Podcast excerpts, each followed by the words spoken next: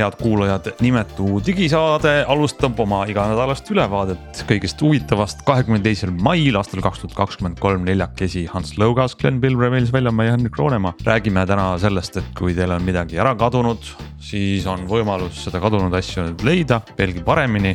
Google tahab liituda Apple'iga samal turul, et pakkuda sellist head kadunud asjade leidmise võrgustikku, aga see ei ole ainus valik, Google ja Apple on tegelikult ka muid lahendusi. siis, kuidas saada oma telefonis tööle nutikad äh, chat GPT jutuvestjad äh,, äpi valik on laienenud ja siis äh, sotsiaalmeedia, kuidas Facebookiga saab jageleda ja kuidas on uus ja äge sotsiaalmeedia võrgustik väljas.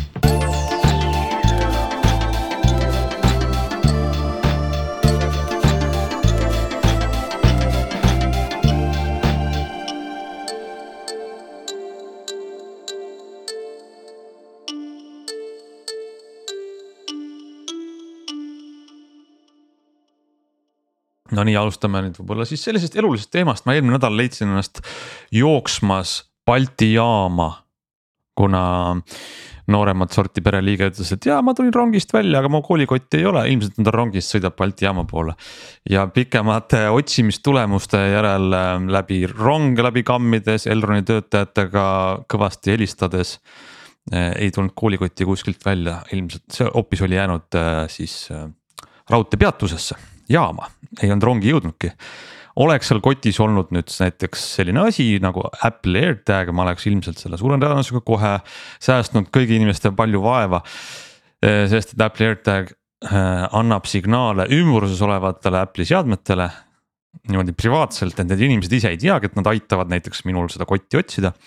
ja need signaalid jõuavad siis minuni, kui ma saan vaadata, et kus kohas see kadunud kott on, eks hea õppetund mulle aga äh, see kõik toimib siis tänu sellele, et Apple'il on see võrgustik üles ehitatud, iga suvaline telefon saab aidata kadunud asju leida.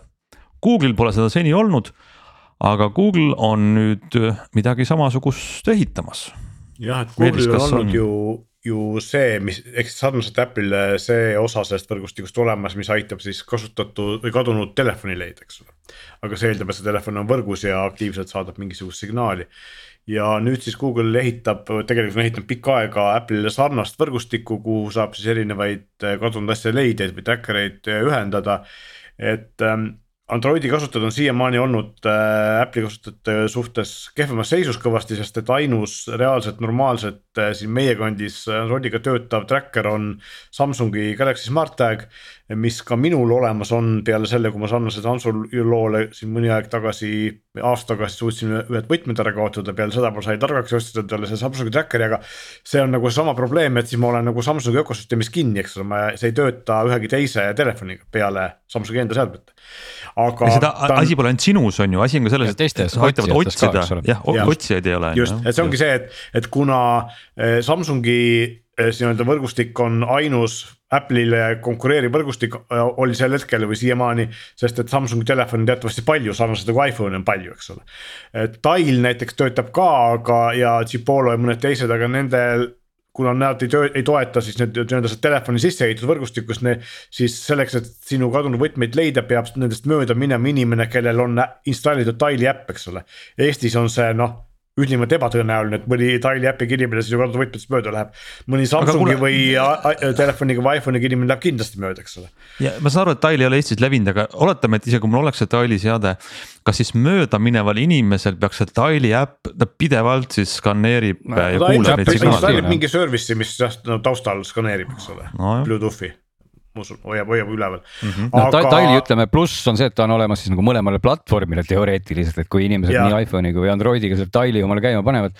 siis justkui on hästi kõik, aga, aga noh. just, aga isegi ja, Ameerikas räägitakse, et Tile'iga äpi kasutajaid on piisavalt mm -hmm. vähe, sellest pole palju kasu, eks ole, Eestist rääkimata. aga nüüd siis ehitab Google sarnast asja ja kui siin enne seda Google I.O-d olid ikkagi kuulujutud, et äkki Google teeb oma tracker'i, siis äh, IO-l nad oma tracker'it välja ei kuulutanud, mis ei tähenda, et nad seda ei teeks, sest et koodi on nähtud ja ilmselt nad selle kallal siiski töötavad.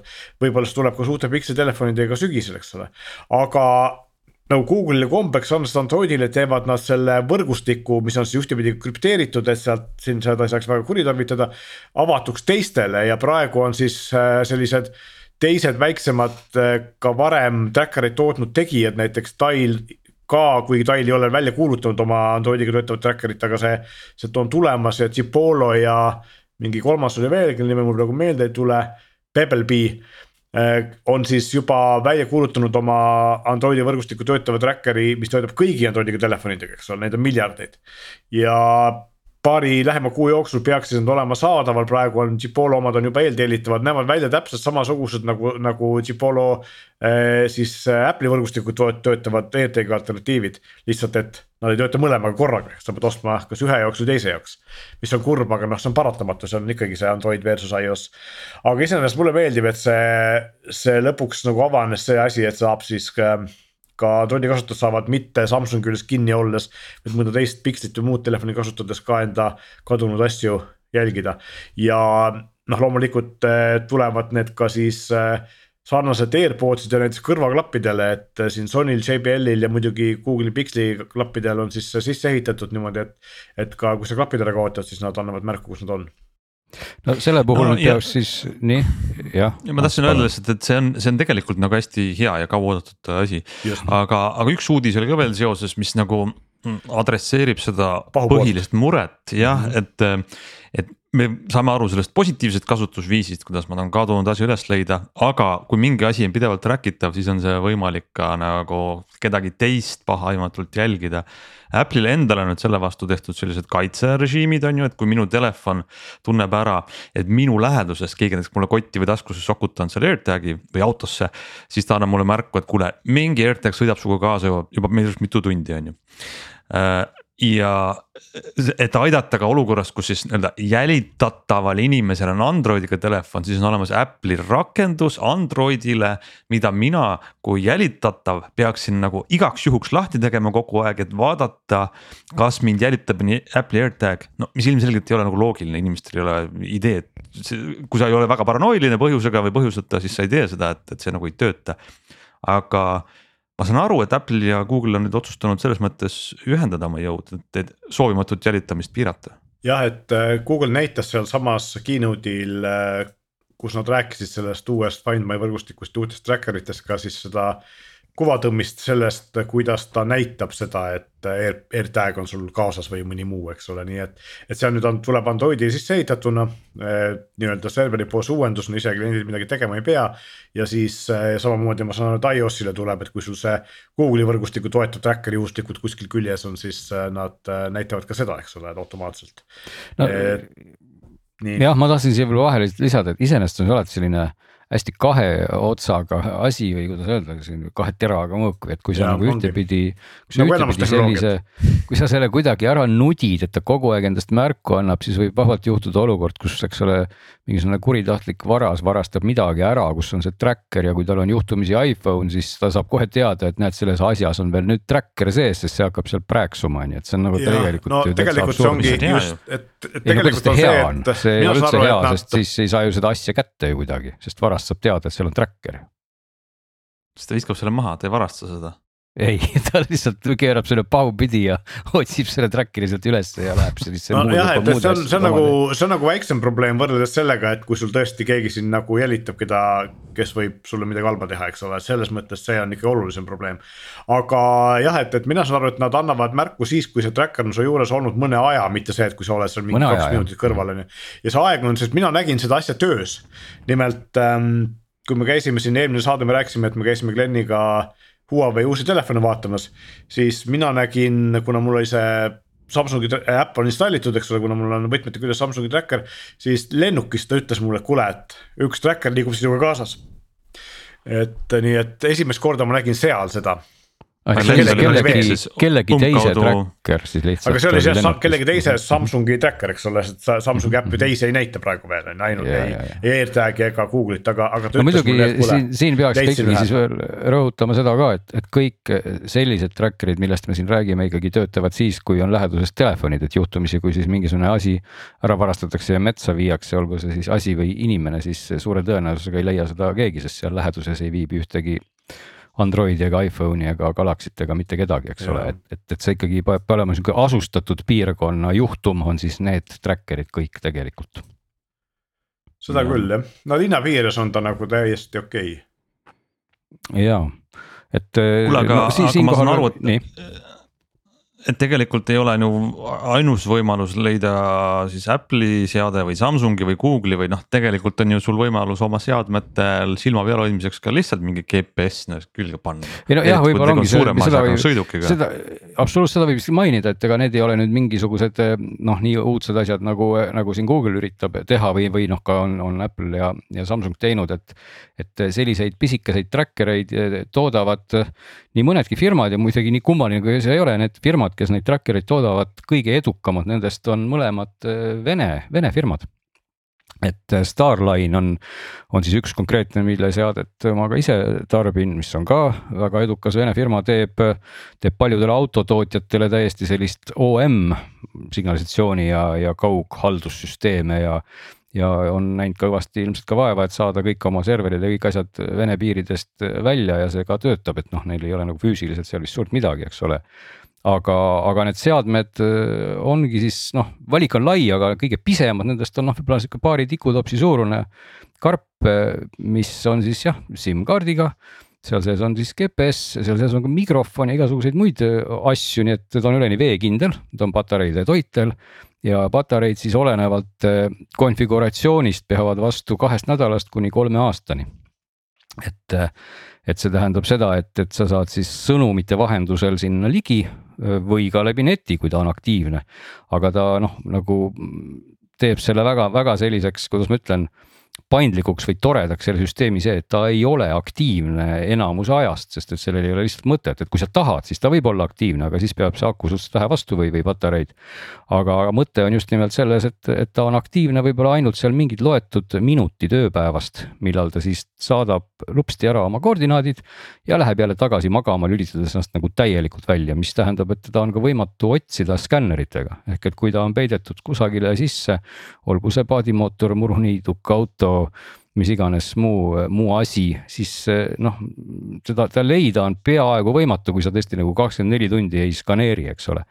ja siis ta ärkab mingil hetkel ellu ja saadab lupsti koordinaadid ära, läheb jälle tagasi magama või sa saad ka konfigureerida, et ta näiteks mingil kellaajal on ta aktiivne, sa tead seda kellaaega ja siis sa sellel ajal võid talle saata sõnumitega mingeid kontrollkäske ja, ja noh, üks, üks selline ägedamaid asju veel ongi siis mikrofoniga seotud funktsionaalsus. et ma ei tea, muidugi meie saadet kuulavad praegu pargad, siis ma ei tohiks seda juttu rääkida, aga. Nad ei kuula meid, ma loodan. aga, aga see on, on siis see, see, selle mõte on selles, et, et sa saad ka kaug, kaugaktiveerida mikrofoni ja sa saad kuulata, mis siis seal tracker'i ümbruses toimub. ehk et äh, üks asi on sa lihtsalt võib-olla saad kuulata, kas seal keegi ropendab või räägib midagi, aga teine pool on tõesti selles, et äh, mis on ka reaalselt vist väidetavalt kasutust leidnud, et. et kui on mingid varastatud äh, kraam, olgu need rattad või mis iganes veetud kuskile garaažiboksi siis sa võid käia garaaži uste taga, sa tead ju kohta, kus see on. ja piisab sellest, kui sa koputad ukse peale ja sa kuuled tracker'ist, kas see on õige uks, sest et sa kuuled seda häält tagasi ehk et, et sul maa all kepsulevi ei ole nii head, eks ole.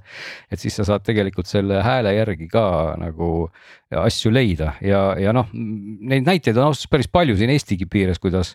kõige markantsem oli üks mingi traktori lugu, mis vist kaks korda varastati ära Soomest ja lõpuks jõudis ta Tallinnasse, kus juba politsei siis ootas vargaid koos traktoriga ja Need on sellised no. siis seadmed, ütleme suuremate asjade, eelkõige sõidukite. ei no ta on, tead ta on pisikene, ega sa, sa võid ta panna noh, loomulikult ütleme noh, nagu ma ütlesin, ta on see kõige väiksem neist Starline'i oma on, on umbes selline kahe tikutopsi suurune, et äh, must karp, lihtsalt veekindel ja, ja noh, kuhu seda paned, täitsa sinu oma fantaasia, eks ole, et ilmselgelt jah, kuskil käekotis on ta võib-olla lihtsalt noh, pole nagu mõtet, kui see just üliväärtuslik kott sul ei ole, aga. aga no mis iganes, nagu ma ütlesin siin mingi tehnika, väiksem tehnika, suurem tehnika kuhu teda ära peita, noh, see on nagu iga kell mõistlik, et siin on olnud meil ju juhtumeid ka meediast läbi käinud, kus vist kõige markantsem oli vist üks mingi matkasuvila, mis läks kaduma, kus. Eh, pere oli selle omale ostnud mingi pikkade aastate tulemusena ja siis see varastati Saksamaal ära ja ei olnud neil kaskot ega mitte midagi ja. ja, ja kui sa sellisesse kohta, sellisesse autosse pistad vähemalt selle tracker'i, on sul mingigi lootus tegelikult. Aga näha, tuleb selge olla, et sellised süsteemid toimuvad tsentraalse juhtimissüsteemiga, et see teenusepakkuja, neil on mingisugune keskserver, kuhu need need seadmed saadavad infot ja mille kaudu saad sa siis vastu saata käsu. Nad ei, tegelikult, tegelikult see tracker suhtleb SMS-i teel otse, selles mõttes, et tal on SIM-kaart. et tegelikult läbi selle nii-öelda keskse serveri saab, saad sa seda kaardi infot vaadata, aga tegelikult selle tracker'i kanal on otse sinu mobiiliga, et sa konfigureerid sinna oma noh, paned nagu selle numbri, kuhu sina soovid siis teavitusi saada. ja tegelikult see tracker suhtleb läbi mobiilivõrgu otse sinuga ehk et ta saadab tegelikult ka need koordinaadid sulle SMS-iga nii et selles mõttes sina näed näiteks, kui sa oled mm. konfigureerinud iga päev kell, mis iganes kell sa tahad oma asukohta näha, siis saabub sulle SMS koordinaatide ja lingiga ja siis, kui sa sinna klõpsad, siis ta alles nagu sisestab need koordinaadid siis lihtsalt sinna kaardirakendusse ja avab selle, nii et. et tegelikult seal ei ole isegi seda tsentraalset serveri poolt nagu noh, seda sidet iseenesest seda andmesidet ei ole üldse pidevalt vaja, et on nagu hästi-hästi-hästi rumal ja lollikindel seade, kuna SMS-id liiguvad ju teadupärast üle, üle vist 2G võrgu, eks ole, et. et piisab ainult väga kesisest mobiililevist ja et, et ta saaks selle saaks ühesõnaga oma, oma asukoha. et igati, igati nagu mõistlik mõte, et võib-olla eriti suve ajal siin justkui, kui liigutakse rohkem ja mingeid asju on rohkem, siis. ja lihtsalt, et oleks selge, see tähendab ka seda, et sellel teenusel ei ole siis teenusepakkuja poolset kuutasu, küll lihtsalt selle SIM-kaardi. just, et sa noh, võta siis mis iganes kohalik okay. operaator või keegi teine, et, et aga noh, siin need kuumaksud nendel kaartidel on seal e eurost alates, ma kujutan ette, euro-paar juba saad sa tegelikult sellise kaardi, mis, mis seal sees siis tiksub, nii et nii et jah, midagi sa ikkagi maksad iga kuu seal mõni euro, aga, aga selle eest on siis kerge meelerahu olemas. no tegelikult on väga hea, sest et võimalusi on erinevaid, et, ähm, et suurettevõtete sellised nii-öelda lihtsad tooted on võib-olla ühtede eelistega, aga, aga kes tahab, saab ka siis. ja kes usaldab Vene ettevõtte teenust ja toodet, võib-olla see...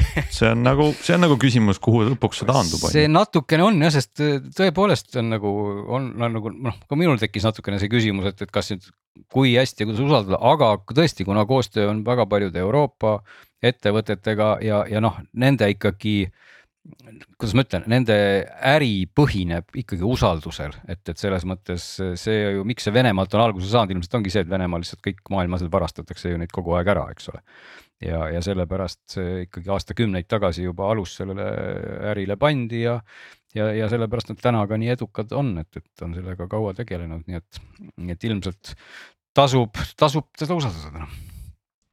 Vot selline, selline lugu tracker itest ja hinnad on selles sajas sada, kas oli sada nelikümmend see kõige, kõige pisem versioon, eks ole, et, et kui teil on jah huvi panna sellele autole või mingile suuremale liikurile, et siis on ka loomulikult need lahendused nagu akuga ühendatavad või auto elektrisüsteemiga ühendatavad, nii et, nii et ta on no aga siin tegelikult ma hakkangi mõtlema, et, et see Air AirTag maksab vist kolmkümmend või kolmkümmend viis eurot yeah. tükk, et tegelikult hinnaeelis on nagu tuntav. sellepärast ta tegelikult nii populaarne ongi muidugi. Et sellepärast see track imise või jälgimise probleem on ka AirTagi puhul suur, et on, sest neid GPS tracker eid, sellist Starline'i tüüpe on ju varem ka olnud ei, neid, neid, ega neid ongi tegelikult, neid on ka täna päris mitu, loomulikult. ja nad on suhteliselt keerulised kasutada selleks, et sellega teha mingisugust nii-öelda lihtsamat kuritegevust või jälitada oma partnerit, mida iganes, eks ole, seal siis või lapsi. et, et see AirTagi probleem ongi see, et see on kõigile lihtsalt kättesaadav ja ei vaja mm -hmm. mingeid eriteadmisi, eks ole. Absoluutselt, see on, see on, see on, see on kindel muidugi, lihtsalt nende, nende kahe, eks ole, ütleme nende Vene firmade Starline, kas teine oli vist Pandora et, et nende mõlema puhul ongi nagu mindud väga-väga kaugele kogu selle süsteemi nagu ka hästi, kuidas ma ütlen, varga kindlaks muutmisega, et tõesti, kui sa nagu näed seda, kuidas on mõeldud siis mitte ainult selle peale, et ta, et ta näitab, kus on sinu seade, aga on mõeldud ka selle peale, et, et vargal oleks seda nagu väga-väga raske, aga väga vingete seadmetega avastada, et, et. et noh, ta on täitsa selles mõttes ikkagi väga nagu tõsine, tõsine asi ka läbi mõeldud nagu hästi mitme külje pealt, et. ütleme, et selliseid Hiina konkurente on tõenäoliselt rohkem, kes neid tracker eid toodavad, aga seal taga ei ole nagu sellist konfigureeritavat ökosüsteemi nagu neil on. Mm. -hmm selge, vaatame edasi, mis on äh, veel uudist viimasel ajal. Ja et korraks avada jälle oma ai rubriik, siis räägime sellest, kuidas ähm, OpenAI populaarset chat GPT-d kasutada telefonides, nimelt nüüd siis, et OpenAI teatas, et nad on valmis teinud omaenda äpi ja see on siis mobiiliäpp, mis esialgu on väljas iPhone idele, varsti peaks tulema ka Androididele. ja kui te hakkate seda kohe otsima, siis te seda ei leia, küll aga on kümneid või isegi sadu kloone, mis on chat GPT nimelised äpid. Äh, sellepärast, et Eestis ei ole veel see OpenAI millegipärast Eesti regioonis kättesaadav um,. ma arvan, tundub, et see on nagu tegelikult hea asi, sest ma ise olen üritanud um, chat GPT-st võtta nagu maksimumiga siis mitte, kui ma arvuti taga, vaid tahan midagi küsida, tahan kontrollida, et ta, tahan, tahan veenduda, et ma saan tast abi ja seni mina olen kasutanud sellist äppi nagu Perplexity, mis on nagu noh, sisuliselt ka liides chat GPT-le. aga küll, aga ta on ikkagi üks vaheaste, ta ei ole OpenAI enda tehtud ja, ja kasutajamugavus on ka selline, et noh, natukene nagu ei ole, ei ole ideaalne. et selles mõttes OpenAI enda tehtud see ametlik äpp oleks kindlasti väga oodatud, kuni ta jõuaks. ja, ja sellel on ka üks väga tore minu arust selline väike lisandus, et tal on nimelt siis OpenAI sellesama fondi või asutuse enda tehtud ka äh, kõnesüntesaator Whisper. et kes, neid kõnesünteesi ja kõnetuvastust on ju erinevaid ähm, õigemini, kui ma nüüd, ma ei ole seda kasutanud, kuna see ei ole veel Eestis kättesaadav see äpp, aga kui ma olen õigesti aru saanud, siis tegelikult peaks Whisper suutma nii äh, inimkõnet ka tuvastada, et seal on kaks poolt, kas see äpp räägib sulle vastuse või ta ka saab sinu kõneldud küsimusest aru. ja, ja minu arvates on see nagu üha teravam äh, on, on see hääleassistentide tasemevahe nüüd tunda pärast, pärast chat GPT väljatulekut, et meil telefonides elavad need Siri, äh, Google Home, Google Assistant ja, ja ma ei tea, ilmselt teil on Samsungi kasutajad tänaval ka. Samsungi mingi oma assistent oli olemas, et nad on ikkagi üsnagi, üsnagi rumalad, üsnagi piiratud. Et kui chat GPT-le tekib hääl liides, ma saan talt küsida, ta räägib mulle selle vastuse, äh, mida ta teab, peab õigeks vastu see võiks olla ikkagi päris hea ja panna ka suure põntsu kogu sellele Siri ja Google Assistant'i sellisele. muide, kui sa juba seda juba mainid siin Sirit, siis just üks väga-väga-väga viimane uudis on ju see, et Apple keelab oma töötajatel kasuda, kasutada chat GPT-d sest et. Samsung tegi sama. põhjus on, põhjus nimelt jah, et and, andmekaitse teema ikkagi, et, et peljatakse seda, et, et kuna see vestlusajalugu kasutajatega jääb OpenAI serveritesse ja, ja ta on seal vähemalt kolmkümmend päeva isegi, olgugi et sa saad seda nüüd sealt ju ära kustutada, et siis siis teoreetiliselt on võimalik seda infot äh, ikkagi koguda ja, ja, ja, ja kasutada ja noh, võib-olla teine pool on ka seal, et ega Apple näeb seal ikkagi sellist mingil määral konkurenti kindlasti noh, et.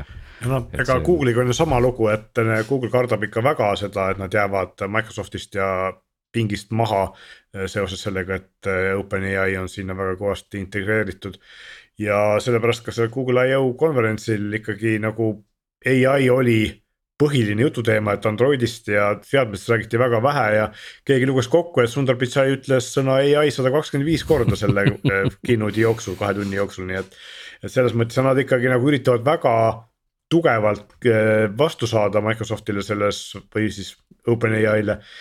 ja nad ikka igale poole üritavad siis eh, seda ai-d sisse toppida ja kuulutati välja tohutu hulk erinevaid asju, millest noh, enamus on sellised asjad, mis veel ei tööta, mida nad lubavad varsti tööle hakkavad.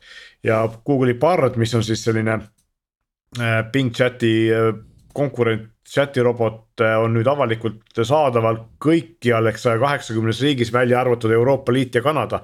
miks ta ei ole saadaval siin meie kandis, me ei oska öelda, ilmselt on tegemist sellega, et mingisuguste privaatsusseadustega ta otseselt koostööd ei tee ja sellepärast veel ei ole, aga üle VPN-i töötab ja saab kasutada, et mina ei ole seda eh, OpenAI äppi proovinud, küll on mul telefoni installitud, see on Microsofti pingi äpp, mis eh, siis on üsna sügavalt. sisaldab seda chat GPT-d ja on ka tasuta, nii et ma olen proovinud seda, kuigi ma ei ole nii vaimustuses kogu sellest ai asjast nagu teie, aga. aga sellegipoolest on olemas jah me... muide, ei, tegelikult see õige kommentaar, äh, ei, aga ma, aga ma tahan tagasi tulla selle äpi juurde, sest tegelikult see on Swift keyboard on Microsofti enda selline klaviatuuri äpp on ju ja see on tegelikult kõige otsesem viis, kuidas seda juturobotiga vestelda praegu, kuna seal klaviatuuri sees on nupp, millega sa saad kohe saata küsimuse siis äh, Microsoft äh, pingile. nii et äh, hea otsetee. huvitav, kas äh, mina ütleks, tahaks seda näha, et selle asemel, et äh, mõni klaviatuur nii-öelda siis oskab mulle, omab nuppu, kus ma saan tehisintellektiga rääkida, nad võiksid nagu mu kirjavigu ja asju suuta parandada automaatselt paremini, kui keyboard seda praegu teeb, eks ole, et see võiks olla see tehisintellekti eh, nagu kasutus seal no mina olen SwiftKey'd kasutanud juba, ma ei tea, viis aastat rohkem no,. mina olen kasutasin, mina kasutasin hea, viis aastat, aga nüüd ma olen kasutanud kuskil viis aastat Gboard'i ehk Google'i klaviatuuri, mis mulle meeldis rohkem. Esiteks näiteks äh, saab, on Gboard'il täitsa korralik eestikeelne dikteerimise funktsioon, mida teistel asjadel ei ole dikteerimine, et sa kõneled talle jah? see Edge'i äh, häkk on jah, hea mõte, sest tõesti, see on nii iPhone'is olemas kui, kui ju Androidis. ja, ja nüüd ma vaatasin just oli tulnud millalgi Edge'i brauserile uuendust, enne pidi seda pingi, pingi tehisajuga vestlemise nuppu kuidagi taga otsima sealt, aga nüüd ta on kohe ekraani all keskel suur nupp et vajuta siia ja suhtle, nii et. ja, ja noh, talle saab ka rääkida, ma olen just proovinud, kui ma roolis olen, et iPhone'is muidugi see ei ole nii lihtne, et ma ei saa öelda hei Bing, eks ole, et ma pean ütlema hei Siri ja Siri on noh, selline nagu üks suur betoon või ütleme, hästi suur maja, millel on telliskivi seinad ja kui sa tahad talle midagi uut nagu selgeks teha, siis põhimõtteliselt tähendab see nagu ühe telliskivi, ma ei tea, väljavahetamist äh, kuskil kõigi müüride sees. et äh, Siri on hästi keeruline ja hästi nagu minevikus kinni. ja eks see mhm. suur küsimus on, et kas Apple suudab midagi teha siin ka nagu me nüüd näeme, et juunis tuleb Apple'i see konverents, et. et keegi küll ei usu, et Apple oma LLM-iga välja tuleb, aga mine tea no ühesõnaga tahtsin juba siin pikemat aega veel öelda, et kui me räägime nendest LLM-idest ja ai-st, siis tasub ka mainida, et, et Lõuna-Korea eh, mingid arendajad on nüüd küll tõsi, mitte päris uuena, aga on nüüd valmis saanud ka mootori siis, mille treeningandmed on kõik dark web'ist või tumeveebist võetud, et selle nimi on Darkbert. no ja seda tahaks tõesti jah, see. Darkbert on siis treenitud läbi Tori network'i ja kõik on siis põhimõtteliselt tumeveebi andmed ja juba isegi tänase seisuga, nii kummaline kui see ka ei ole. väidetavalt siis see Darkbert on tegelikult ka tavavestlustes ei jää üldse alla siis viisakatele LLM-idele, aga, aga tegelikult selle mõte ei ole siis lihtsalt, et teeme nalja, vaid vaid selle mõte on ikkagi selles, et pigem äh, kujundada sellest ai-st ka omamoodi siis, kuidas ma ütlen, veebipolitsei ehk et, et kui täna nagu on väga raske seal tumeveebis üldse mingeid niidiotsi kokku tõmmata, siis selline LLM, kes on tegelikult selle ikkagi omale sisse õginud, selle dark veebi, suudab tegelikult seda väga hästi kaardistada, süstematiseerida ja selle baasil tegelikult luua igasuguseid uusi seoseid ja anda nagu noh põhimõtteliselt palju, palju infot just nimelt siis mingite pahalaste filtreerimiseks sealt välja, eks ole, nii et, et see omamoodi ei, loob on... tegelikult täitsa sellise no, uue. nii kaugel me ikkagi nüüd ju ei ole, et me suudaks neid närvivõrke nii-öelda reaalajas järjepidevalt mingi materjali peal jooksutada või, või no, olema, ma seda ei kujuta ette, ma arvan, et üks meie no, pingi loll päring võtab ka nagu rohkem elektrit kui äh, terve seaprae tegemine ahjus. no see on muidugi üldse iseküsimus, palju see kõik elektrit võtab ja kui, kui säästlik see on, kui ma õigesti mäletan, siis väidetavalt oli vist nii, et üks chat GPT prompt kulutab jahutamiseks sama palju vett, nagu on pooleliitrises pudelis. Ehk et pooleliitrise joogivee kogus läheb ühe prompti peale vist umbes, et need olid mingid täitsa nagu nagu müstilised äh, energiakulud tegelikult, mis selle jooksutamiseks kuluvad, aga noh, samas kui me mõtleme ka täna GPT-4 või Bing on ju ka ikkagi reaalajas ju internetis ja ta tegelikult noh, kogu ja, aeg. ta läheb vaata otsib suudab... siis, kui sa küsid ta käest. ei loomulikult ja, ja. ei muidugi. me lülitame ta nii-öelda paralleelselt ei, internetiga ei, käima ei. ja siis ta muudkui vahib ja kuulab ja, ja noh, ma ei tea, ise, ise helistab sulle üks päev ja ütleb, et kuule, sinust räägiti. aga, aga noh, eks see on ju tegelikult, see on ainult, pigem see ongi seesama nagu aja küsimus, et täna me olemegi olukorras, kus see nii-öelda see LLM on ikkagi reaktiivne nii-öelda, et ta reageerib meie küsimusele ja siis ta läheb jälle magama nagu tracker, eks ole, aga, aga kui ta nii-öelda möllaks kakskümmend neli seitse piltlikult, et siis, siis oleks nagu teine lugu, aga noh, seesama tark Bert on ka ikkagi, see ei tähenda, et ta nüüd on kogu aeg nagu jalg on seal tumeveebis sees ja ta on kogu aeg üleval, aga ta on lihtsalt selle. ta on treenitud selle peal jah. treenib no,, nende andmete pealt treenitud, eks ole. jah, see ma, ma pean ka jagama, et kes tahab aru saada, et nende nagu üldiste keelemudelite sellist äh, võimekust mingis valdkonnas tegutseda, siis on.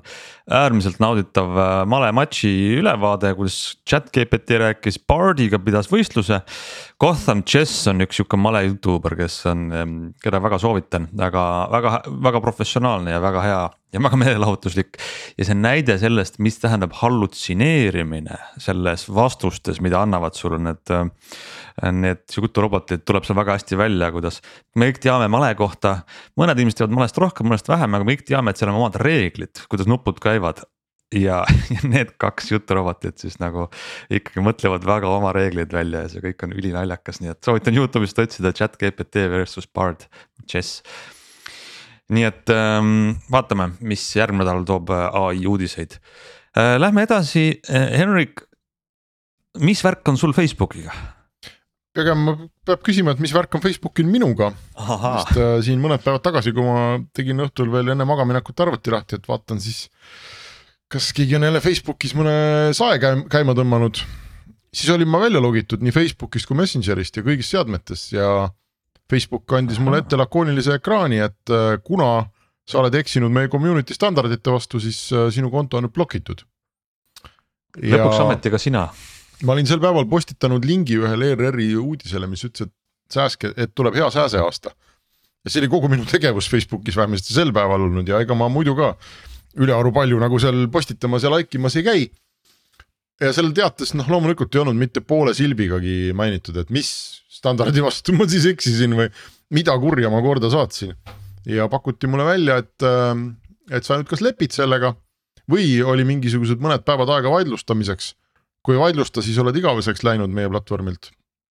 ja kui äh, vaidlustad, siis tuli ähm, vist üles laadida oma mingi dokumendi foto ja siis loota, et nad äh, kuidagi taastavad su konto. aga seal oli ka kirjas, et äh, aga et kui me ikkagi ka pärast sinu vaidlustamist otsustame, et, et meil oli õigus, siis sa oled igaveseks blokitud ja noh, rohkem mingit vaidlustamist ei toimu oligi kõik.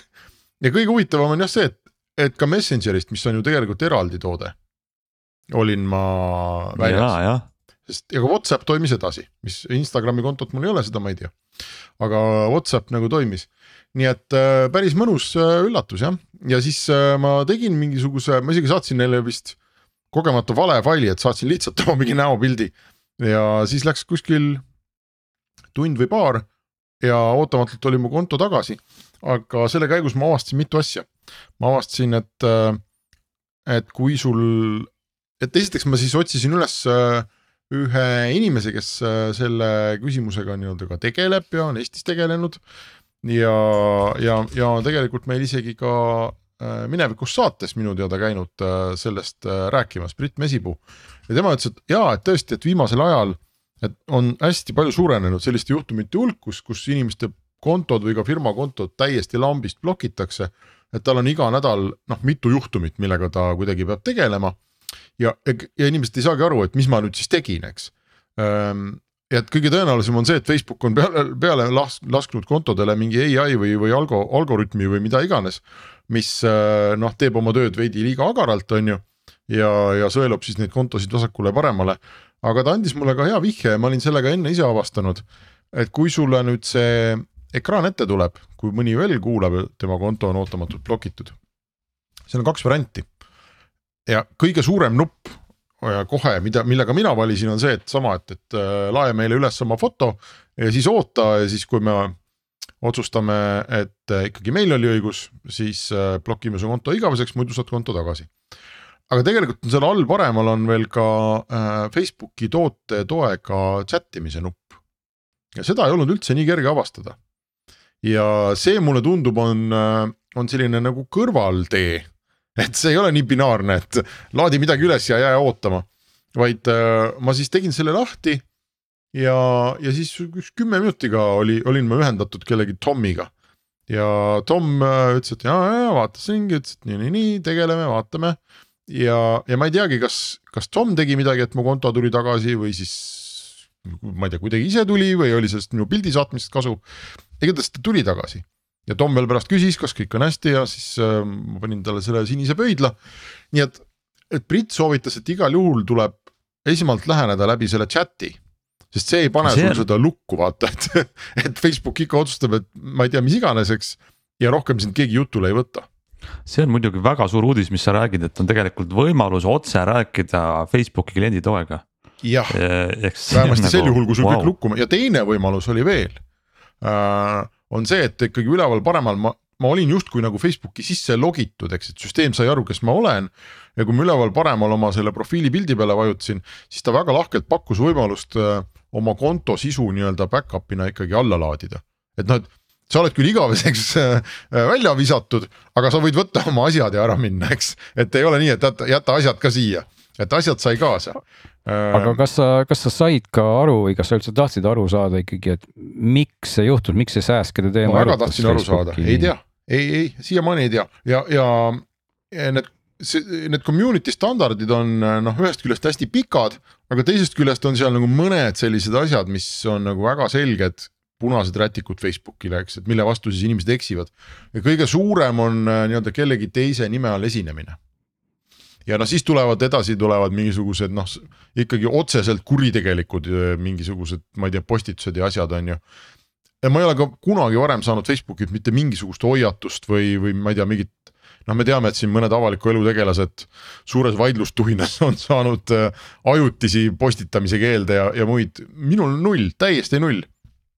et võib-olla miskipärast Facebook arvas, et ma esinen Hendrik Roonemana, kuigi ma tegelikult ei ole seda, ma ei tea äh, ma olen noh, tegelikult ju vahetan siin ka IP aadressi, eks ole, et ma ei otseselt, konto on märgitud Eestisse, aga ma ei ole Eestis ja aeg-ajalt ma kasutan mingeid VPN-e ja see võib olla küll muide kahtlust äratav. võib-olla see nagu äratas talle jah, just mingi nagu probleem tekkis, aga, aga vot kõige hullem ongi see, et sulle antakse lakooniline teade, et sa oled korda saatnud hirmsa kuriteo ja me ei taha sind kunagi enam näha.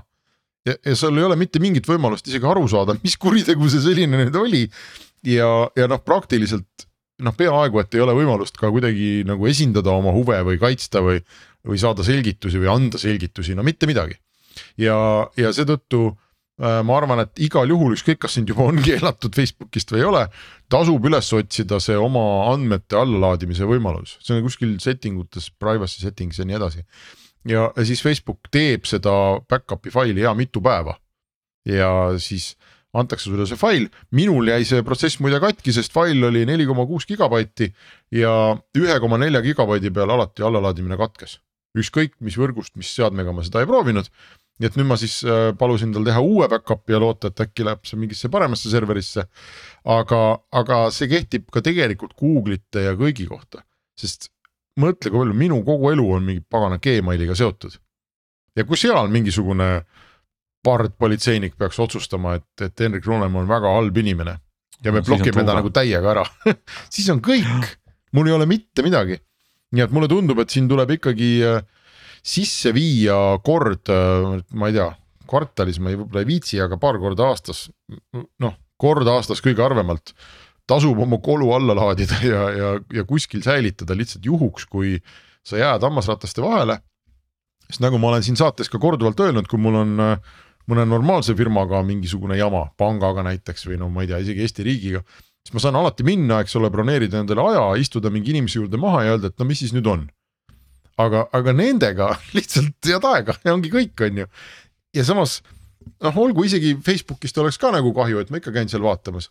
aga Messenger on kõige hullem, mul on ju vestlused oma mingi perekonnaga, eks ole, isad-emad on nagu noh, sõbrad, mingid tööasjad. ja tegelikult on ju paljudel meist ka Facebookis mingite firmade või, või organisatsioonide lehed, mida te haldate näiteks ja noh, see on otseselt mm -hmm. nagu äriliselt ju kuidagi seotud oled sellega. et sa võid niimoodi saada ikkagi äh, ukse kinni enda nina all. Et, äh, et mitte midagi ei ole teha ja see on tegelikult väga, see oli väga õudne selline nagu kogemus või selline arusaam minu poolt ka. aga ongi nii või et nüüd ongi siis nii või? Selle... ja midagi, midagi teha ei ole selle, ütleme nii, et ma tahan nagu kuulajatele selle äh, kaitseks öelda, et miks sa ei kuule, kui sa oled saanud kinga Facebookist seda täpset põhjust. et juhuks just nende olukordade puhul, kus tegelikult on näiteks sinu konto üle võtnud mingisugune pätt.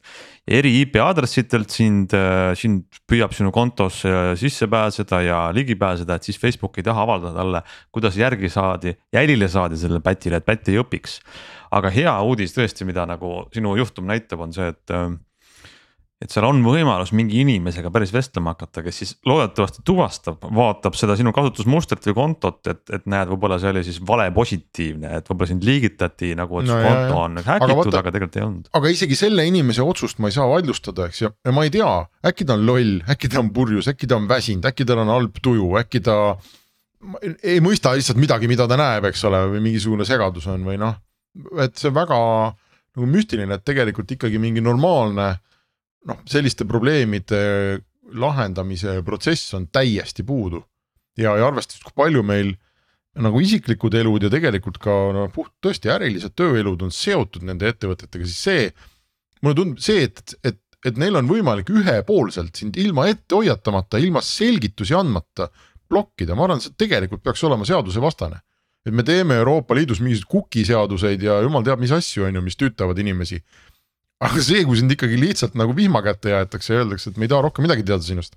see ei ole siis seadusevastane või? ma küll arvan, et peaks olema peaks ju olema tegelikult nii-öelda klassifitseeruma selliseks elutähtsaks teenuseks põhimõtteliselt, eks ole, et nagu, nagu ma ei tea, Google'i kontogi samamoodi, et see ei ole nagu nii või. või Apple'i konto või et see ei ole nagu niisama mingi tilulilu, eks. no jaa, aga see ongi seesama asi, mis, mis me siin eelmises saates ju ka oma heietusega sinnamaani jõudsime, ongi seesama, et kui on Eesti riigil mingi aadress või me suhtleme selle poolega, kui Henrik mainis, siis on meil justkui see võimalus minna ja öelda ja et see ongi elutähtis ja see peabki olema, aga, aga kõik need muud on ju ikkagi eraettevõtted, et. ja nad on eraettevõtted, aga, aga kui nad on nii-öelda olulise turujõuga ettevõtted või isegi no, tegelikult nii-öelda, nii-öelda elutähtsad ettevõtted, siis nad peaksid äh, alluma mingitele seadustele, ma ei tea, kas sellised seadused on olemas no,, no, võiksid no, olla, eks ole. justkui terve mõistuse koha pealt muidugi see võiks. seadused on, aga, aga, aga nad ei all, nad ei ole elutähtsad teenused, ütleme nii, et vastus on, seadus ütleb. aga tegelikult on ju, aga tegelikult on. Kui su kogu ettevõte ma ei tea, mingi pool kliendivoogu või võib-olla isegi kolmveerand sinu käivet sõltub sellest, kas sa saad Facebookis oma page'i manageerida, on ju ja sul on töötajad ja neil on pangalaenud ja nad on mingi riigi maksumaksjad ja neil on lapsed ja naised ja mehed, on ju. siis see ei ole nagu mingi naljaasi ja ma, ma nüüd, no võib-olla see on hea juriidiline küsimus, kui keegi kuulab, kirjutage meile, aga näiteks kui ütleme. ma ei tea, Rimi otsustaks, et, et mind ühel päeval lihtsalt ühe, ühtegi Rimisse ei lasta enam ja mingi selgitust ei anta mitte midagi, iga kord, kui tahan minna, turva, turvamees ütleb, sina ei ole siin teretulnud, mine ära ja, ja ma ei saa mitte aga, kellegi käest teada, et miks. aga, aga vaata, siin on nagu see. ma arvan, ma võiks neid ju kuidagi nagu. loomulikult, aga äh, siin ongi see, see pool, et miks, miks nad nii ei tee ja miks tegelikult me ka kõik siis neid Facebook'e ja Google'id ju iseenesest usaldame ja see ikkagi suures osas toimib. ongi see, et ikkagi meie maailm põhineb justkui sellisel asjal, mille nimi on turumajandus, et kui, kui see Rimi paneb sinu ees uksed kinni, siis lähed sa ütled omale sajale sõbrale, et Rimi on ikka üks ilgelt nõme pood. ja kui veel kümnel inimesel juhuslikult Rimi kinni pannakse, siis lõpuks käivad kõik kõik Selveris ja siis Rimi paneb üldse uksed kinni, et. et see on nagu tegelikult see koht, kus ma tahan nagu öelda, et, et firmad tegelikult ei saa ka käituda klientidega niimoodi, sest kui on, kui on Gmaili kontodel baseeruv suur firma ja üks saab mingi, ühega läheb halvasti, siis võib-olla juba järgmine mõtleb, et kas ma ikka peaks Google'iga oma asju ajama, äkki ma peaks hoopis võtma Microsofti või, või keegi jällegi kolmanda. ehk et see on ikkagi seesama koht, kus usaldus on tegelikult äri, et usaldusel põhineb, see, mida müüakse, on usaldus. ja, aga kui sul on mingisugune miljard no, klienti või ma ei tea, Facebookil on neid no, isegi rohkem. Aga, kui sealt äh, kolm tükki päevas saab niimoodi vastu hambaid nagu mina ja nende elu mm, kukub kokku, see ei jõua kuhugi. no aga seda küll, aga, aga vaata nendest, nendest kolmest hakkab kujunema lõpuks kolm tuhat ja kolmsada tuhat, ma ikkagi ütleks seda, et, et, et ega noh, jah. võib-olla on ka asi selles, asi pole numbrites, mitu saab, aga Facebook peaks paremini teadma kui keegi teine, et lugu võib minna viraalseks, et kui nad niimoodi. absoluutselt. ei no aga see ongi ainus võimalus neid suuri firmasid, me oleme no mõjutada, me oleme näinud siin mitte küll vist mm -hmm. Eestis, aga, aga USA-s on see ikkagi väga tavaline olnud, kus keegi on ka, ma ei tea, Twitterist või kuskilt mingisuguse tohutu noh, Twitterist enne Eloni aega, eks nii-öelda normaalsel ajal. mingisuguse keelu saanud ja kõik kukkus kokku või ka näiteks Apple'i äpipood on täitsa tava, tavaline näide, et mingi arendaja noh, ma ei tea, äpi uuendust ei lasta läbi, on ju, kogu tema äri on sellega seotud, seal Apple'is on must kast. ja, ja siis ainuke asi, mis aitab, ongi mingisugune nagu meediasurve põhimõtteliselt, mis algab sotsiaalmeediast ja võib-olla lõpuks jõuab nagu Delfi esilehele, eks ole, või mõne, mõne suure meediaväljaande esilehele. ja vot alles siis see signaal muutub nii tugevaks, et need inimesed ka Apple'is või Facebookis saavad aru, et, et mingi jama on, et ma ei tea, äkki ma oleks, mul on isegi hea seis, on ju, ma olen ajakirjanik, et võib-olla kui, kui asi oleks ikkagi kui... edasi läinud, eks ju, mul oleks mingid suured uudised kirjutanud äkki sellest kuskil, et no võib-olla ma oleks tagasi saanud oma konto, aga kui sa ei ole, siis sa mõtled, et ahah, sain vastu hambaid, on nina verine ja noh, lähed koju. Aga, aga noh, ikkagi ma ütleks, et muidugi see, see üksikjuhtumi puhul võibki alati olla, et see on nagu halb, aga, aga noh, teistpidi vaadates siiski seda, et see lugu ju lahenes täna ka ikkagi ju selles mõttes positiivselt, see pandi küll kinni, aga no ütlesid, sa said seal mingi päris inimesega suhelda või vähemalt see, kui see oli ka ai, siis ta teeskles päris inimest ja, ja, ja see nagu töötas, eks ole. et ma tahan nagu seda, seda öelda, et sellised suured üksused, noh, kasvõi võib-olla teise valdkonna pealt on nagu Amazon, eks ole, kus on nagu mustmiljon netipoodi ja ma ka ju kunagi ei tea, kellega ma seal suhtlen, aga see klienditeenindus on alati nagu supertasemel ja, ja selle põhjus ongi lihtsalt selles, et, et nende kogu äri püsib ikkagi sellel renomeel, noh sellel. mina olen sellel, praegu nendega natuke prindris seal, et no, võt, kuna ei olnud Amazoni enda poolt müüdud asi, vaid on no, marketplace'is müüdud asi ja okay. ega nad siis nagu sind nii palju aidata ei taha, kui nende enda poolt müüdud asjad on. jah, et selles mõttes tasub muidugi, kui sa oled ostnud ikkagi nagu läbi Amazoni nagu enda poe, aga, aga noh, minul on ka kogemusi ka kolmandate müüjatega, mis ka ikkagi on lahenenud väga hästi, sest need müüjad iseenesest tahavad ka jälle oma reitingut hoida, sest nad on ikkagi väga mures selle ja selle reitingu pärast, aga. aga ühesõnaga jah, see kogu see jutt nagu kaldub jälle sinna, sinnapoole, et eks mõlemalt poolt peab olema selline heatahtlik ja usaldav õhkkond, et ega üksikisikut natuke võib peetida, aga kui üksikutest saab juba tuhat, siis on, on juba neid liiga palju noh jah, ja no loomulikult võib kasutajaid blokkida, eks ole, ja need ka noh, nad peavadki tegema, need suured kanalid seda ja ma arvan, nad peavad seda tegema väga-väga-väga mitu korda päevas üle maailma. aga mm -hmm. ma eeldan, et kui ma olen viisteist aastat olnud äh, nende nagu liige seal ma tahaks, mul on vähemalt õigus teada, mille eest ma nüüd siis ei, nagu ei, sain. see, see, seda võiks igal juhul, äh, see oli, see oli avalik info, aga sellele inimesele konkreetselt kes nii-öelda kinga saab, peaks ju seda igal juhul põhjendama, see oleks ju elementaarne, eks ole, et kui sa yeah. piltlikult öeldes autoga kihutad ja saad trahvi, siis sa saad ikkagi teada, miks sa selle trahvi said. jah, et see on ainult see siis no. nagu ma arvan, et äh, Putini Venemaal on, et saad öösel peksa ja siis öeldakse, eks ole, et tead, sa ju tead, mille eest, sa niikuinii tead, mille eest said, said asja eest asja eest said, eks ole. mida siis inimene teeb, inimesed äh, teevad seda, et nad äh, ikkagi lähevad teise sotsiaalvõrgustikku ja ma üritan nüüd jutu viia sinna, Henrik, et ma saan aru, et ühest sind püütakse välja visata, sa ei taha sealt ära minna millegipärast. üritad küll laadida oma asju alla, aga ikkagi jääd Facebooki. aga tegelikult ma saan aru, sa oled ka Blue Sky's nüüd, äh, näpp on sees. ja ma vaatan meie kella, et me võib-olla väga pikalt ei pea sellest praegu rääkima, aga, aga olgu siis märgitud ja et on olemas selline Twitterist tegelikult välja kasvanud ja Twitteri siis endisele suuromanikule Jack Dorsey'le kuuluv Blue Sky, mis on ka detsentraliseeritud umbes nagu Mastodon ja, ja on ka äravahetamiseni sarnane funktsionaalsuselt äh, Twitteriga nagu Mastodon.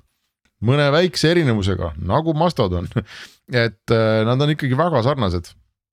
ja, ja kui Mastodon tundub rohkem olevat selline nohikute, ma ei tea, IT-inimeste noh, võib-olla sellise kunstilise liialdusena võiks öelda Linuxi meeste koht, et, et siis äh, Blue Sky on äh, vähemasti USA oludes on seal on mingisugused sellised äh, kultuuriinimesed ja muidu sellised ähm, äh, huvitavad inimesed või nad ise ütlevad, et lahedad inimesed on siis nagu Blue Skies äh,.